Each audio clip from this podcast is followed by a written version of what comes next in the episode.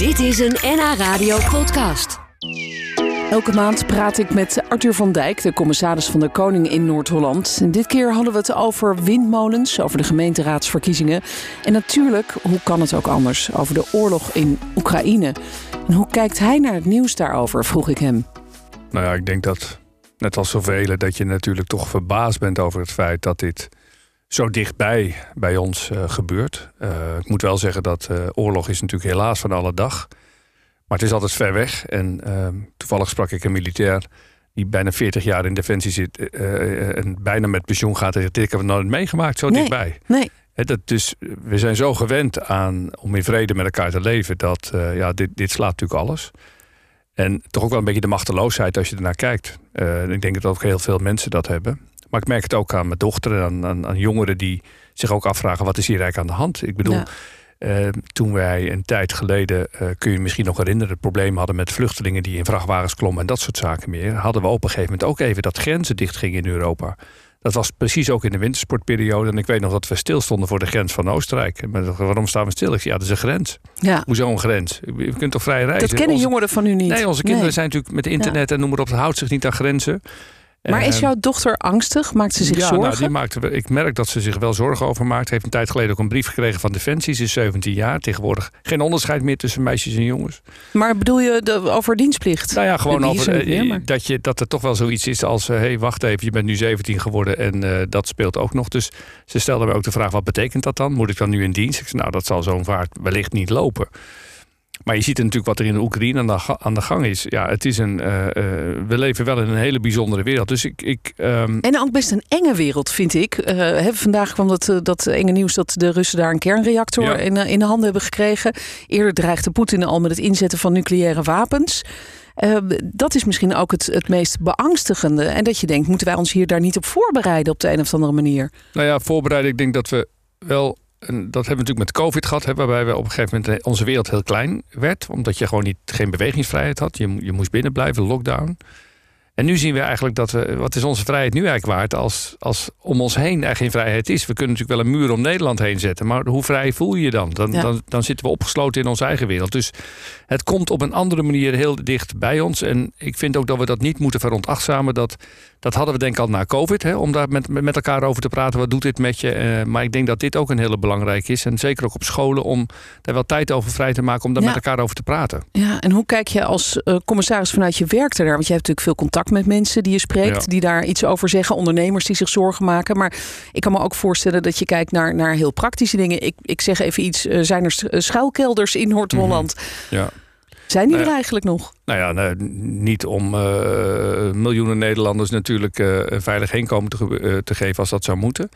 Maar aan zo'n scenario wil ik ook helemaal niet denken. Ik bedoel, ik, wat dat betreft, dat is ook een beetje wat je natuurlijk nu ziet gebeuren in de Oekraïne, is dat wij niet gaan, ons gaan mengen in die oorlog. Dat we dat doen met sancties. En, en dat is best heftig, hè, want je leest nu elke dag je kan geen kranten openslaan of je ziet dat banden met Rusland worden uh, doorgeknipt. Nu ook met de Paralympics. Uh, ja, de Hermitage in de Amsterdam. Hermitage, nou, dat is bijna onwerkelijk ook. Hè? Want ik denk dat dat heel veel mensen ook hebben. Is van, het is een soort van bad movie. Een ja. slechte film waar je in zit. En ja, dit, dit is niet te bevatten. Uh, nee. Desalniettemin. En dat is denk ik ook, en dat zien we natuurlijk in Den Haag. Maar dat geldt ook voor ons ja, wel het gezonde verstand blijven gebruiken en de dingen doen die nodig zijn. Ja, en in dit geval gaat het dan bijvoorbeeld om de opvang van vluchtelingen uit de ja. Oekraïne.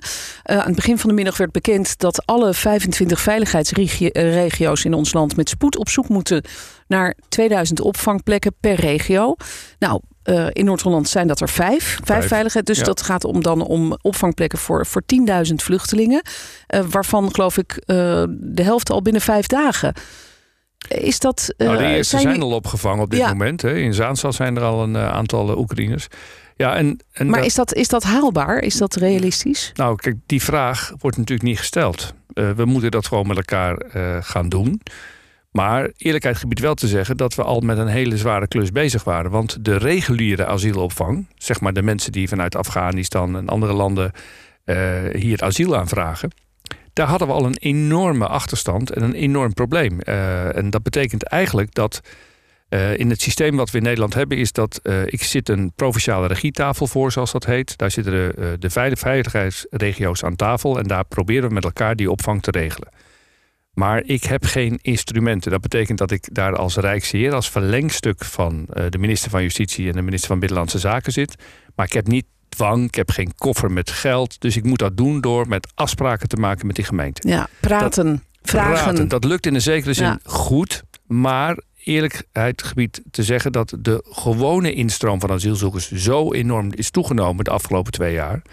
Dat we daar enorm aanhikken tegen. Kan dat nog wel met dat instrument?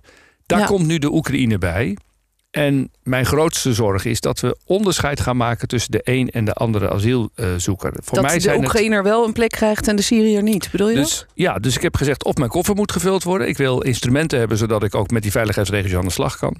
Of uh, de voorzitters van de veiligheidsregio, en dat is wat nu gebeurt, worden in stelling gebracht. En die gaan dan ook als het ware het gezag overnemen. Dat betekent dat zij plekken kunnen aanwijzen uh, uh, waar mensen tijdelijk worden ondergebracht. Is er al een lijstje met dat soort plekken? Nou, we zijn natuurlijk in die reguliere stroom al enorm met elkaar bezig. Ehm, ik vind het toch een andere situatie als, als met COVID. Dus wat heb ik gezegd? Is, ik heb vanochtend nog zo'n provinciale regietafel gehad. Ondanks het feit dat jullie nu verantwoordelijk zijn, zullen wij als provincie. Ik heb mijn team, wordt, as we speak, wordt dat uitgebreid. Dus we gaan meer ondersteuners vanuit de provincie inzetten om de veiligheidsregio te ondersteunen bij deze, bij deze taak. En ja, toeval wilde dat ik met, uh, samen met de Daphne, mijn woordvoerster, uh, de afgelopen week een aantal werkbezoeken hebben, uh, heb afgelegd aan, aan asielplekken in Den Helder, waar ze Ja. heel goed bezig zijn. En Ik zag het op Twitter, ja. ja. En dan zie je, omdat ik ook behoefte had om een keer te laten zien dat het ook heel vaak heel erg goed gaat in de opvang. Eh, omdat we altijd lezen in de krant waar het niet goed gaat. En, Ja. eh, dus ik heb heel bewust ook plekken opgezocht waar het gewoon heel erg goed gaat. Maar daar zie je ook de druk op het huidige systeem. Ja, al. Dus nu al. En er komen dus nog de komende weken Er zijn een 10.000. miljoen Oekraïners op de Ja. vlucht. Ja, En dat worden er waarschijnlijk nog meer. Dus dat maar, betekent. maar waar, waar zou je dan nog nieuwe plekken kunnen creëren? Want de oude opvanglocaties Hotels. zitten eigenlijk al vol. Hotels, eh, Kun je dat vakantie, afdwingen? nou, vakantieparken. Op een gegeven moment kan zo'n voorzitter van de veiligheidsregio kan daar eh verdergaande bevoegdheden in, Ja? op inzetten. Ja, dus dan zeker. kan het ook gebeuren dat je een vakantiehuisje hebt op een eh, park in Egmond. En dat er gezegd wordt, eh, nou, eh, u kunt de sleutels nu inleveren, want daar komt een, een gezin in te zitten. Nou ja, kijk, wat we nu zien bijvoorbeeld. Dat... wa- wa- wat heel goed werkt, is dat zijn cruiseschepen. Eh, die Ja. normaal gesproken, eh, die hebben nog eh, zeker de komende tijd geen boekingen. ook vanwege COVID, et cetera. En dat betekent dat er op dit moment al een aantal van die schepen voor de reguliere opvang gebruikt worden. En ik, ik kan me voorstellen dat een aantal van die schepen nu- daar nu nog bij gaan komen. Ook bij, voor de opvang van Ja. mensen uit de Oekraïne. Ja, het is natuurlijk gewoon op dit moment even alle hens aan dek. Het Ja, is, het, Maar ook er blijven nadenken komen. voor de wat lange termijn. Want als, ook als ik naar de Oekraïners kijk. A, sowieso in de reguliere opvang duurt het eigenlijk heel lang. En soms te lang voordat mensen een uitsluitsel krijgen over mag ik blijven of niet. Ja. Maar Oekraïners die hebben eh, in principe een ander regime. Die mogen sowieso negen maanden standaard in Nederland blijven op een toeristenvisum. Maar moeten, eh, eh, de EU heeft natuurlijk gezegd dat dat langer kan. En dat ook de kinderen en gelukkig recht op onderwijs hebben, et cetera. Dus dat betekent dat het best wel eens lang kan gaan duren. Voordat Ja. die mensen weer zicht hebben om terug te kunnen keren naar de Oekraïne. Nou, we, we, we praten zo nog even verder. Misschien ook nog over, over deze kwestie. Maar er is dus op dit moment nog niet een lijst van waar de Oekraïnse vluchtelingen terecht kunnen. Dat Nou, vat ik wel goed samen. Ja, nee, er zijn wel lijsten. En want, omdat we al heel lang met lijsten bezig zijn. Mhm. Want elke plek die geschikt is voor opvang, daar zijn we natuurlijk mee bezig. Ik ben altijd huiverig om, eh, als we nog bezig zijn met plekken, plekken te noemen. Omdat ik ook merk eh, dat in de samenleving ja, er niet altijd eh, gelijkgestemd over eh, gedacht wordt. Ja, Er is nu wel heel veel compassie met de Oekraïners. zeker, ja. Ehm, maar ik kan je zeggen, na de bezoeken deze week. mag die compassie voor een aantal asielzoekers. die eh, met recht hier asiel aanvragen uit andere landen er ook zijn. Oké, duidelijk. We praten zo nog even verder. Vragen voor de commissaris kun je kwijt aan lunchroom.nhradio.nl. We kregen een appje van een luisteraar van... zou je niet bijvoorbeeld eh, woningen die langdurig leeg staan... of kantoorruimtes misschien eh, kunnen, ja, als het ware, opeisen... Voor, eh, om voor vluchtelingen in te richten? Ja, dat, dat zou wellicht kunnen.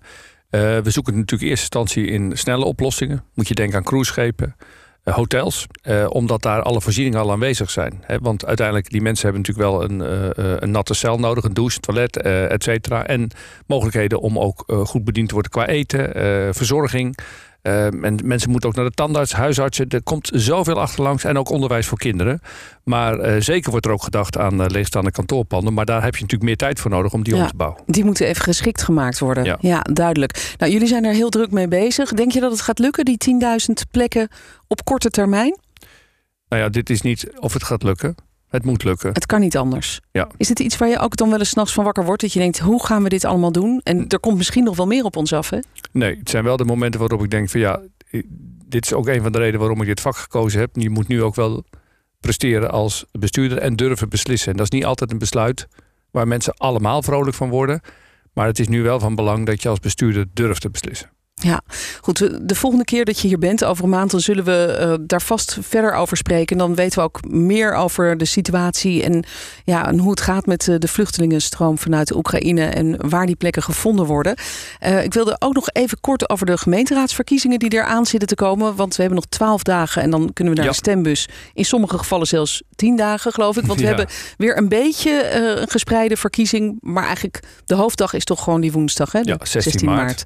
En ik hoop dat alle Noord-Hollanders hun stem laten horen. Is belangrijk. Eh, belangrijk voor de toekomst van Noord-Holland. Maar ook voor de stabiliteit van het, eh, van het bestuur. En eh, gemeenten doen er echt toe. En misschien zie je het niet altijd, maar ze zijn wel degelijk aanwezig. En hebben ook belangrijke besluiten te nemen voor de, voor, voor, de komende, voor de komende jaren voor Nederland. Dus ik hoop dat heel veel mensen hun stem laten horen. Vergis je niet. Kijk naar wat er in de Oekraïne, in Rusland op dit moment gebeurt. Dit is een heel belangrijk recht. Laten we er gebruik van maken. Dit bepaalt echt wel dat. eh, een, dit is de belangrijkste vorm van participatie. Is dat je eens in de vier jaar je stem mag laten horen voor de gemeenteraad of voor eh, de Tweede Kamer. Ja, dat moet je niet verloren laten gaan. En, Ja. eh, Nee. Die verkiezingen zijn belangrijk. Ze zijn er over twaalf dagen. Eh, is, is alles er eigenlijk al helemaal klaar voor? Of heeft de provincie daar verder niet heel veel praktische bemoeienis mee? Nou, kijk, eh, het is natuurlijk een gemeentelijke aangelegenheid. En eh, ik weet zeker dat de gemeenten er klaar voor zijn. De lijsten zijn klaar. Mensen hebben eh, hun stempas thuis gekregen. En kijk, op Twitter, het giert natuurlijk van de mensen die bezig zijn om hun partij te verkopen. Dus wat dat betreft is, is, is het volop aan de gang. Ja. Eh, een beetje overschaduwd natuurlijk door alle situaties eh, waar we het net over hadden. Zeker. Ehm, tot slot, ja, het is een beetje een onderwerp wat misschien niet in een minuutje kan. Maar toch vond ik het heel interessant om te zien dat de stichting Windalarm, hè, zij strijden tegen Ja. windmolens vlakbij eh, bij huizen. die willen een provinciaal referendum over windmolens. En dat, als dat doorgaat, is dat, dat is nog nooit eerder voorgekomen, toch? Een provinciaal referendum. Nee, we hebben wel een verordening zoals het heet. Dus dat betekent dat mensen daar een beroep op kunnen doen. Eh, de kennisgeving is aangekondigd door Windalarm. En dat betekent dat eh, een, een, ze hebben ook meer dan 500 stemmen. Want dat heb je nodig om dat in eerste instantie te kunnen doen. Om het te bespre- laten en dat bespreken. betekent dat als, als het besluit genomen wordt in aankomende maandag in de Provinciale Staten. Als daar een besluit over genomen wordt, dan moet er ook een besluit genomen worden over de kennisgeving van de Windalarm. En ja, dan zou het kunnen zijn dat dit het eerste referendum wordt in Noord-Holland. Wat een mooi unicum zeg.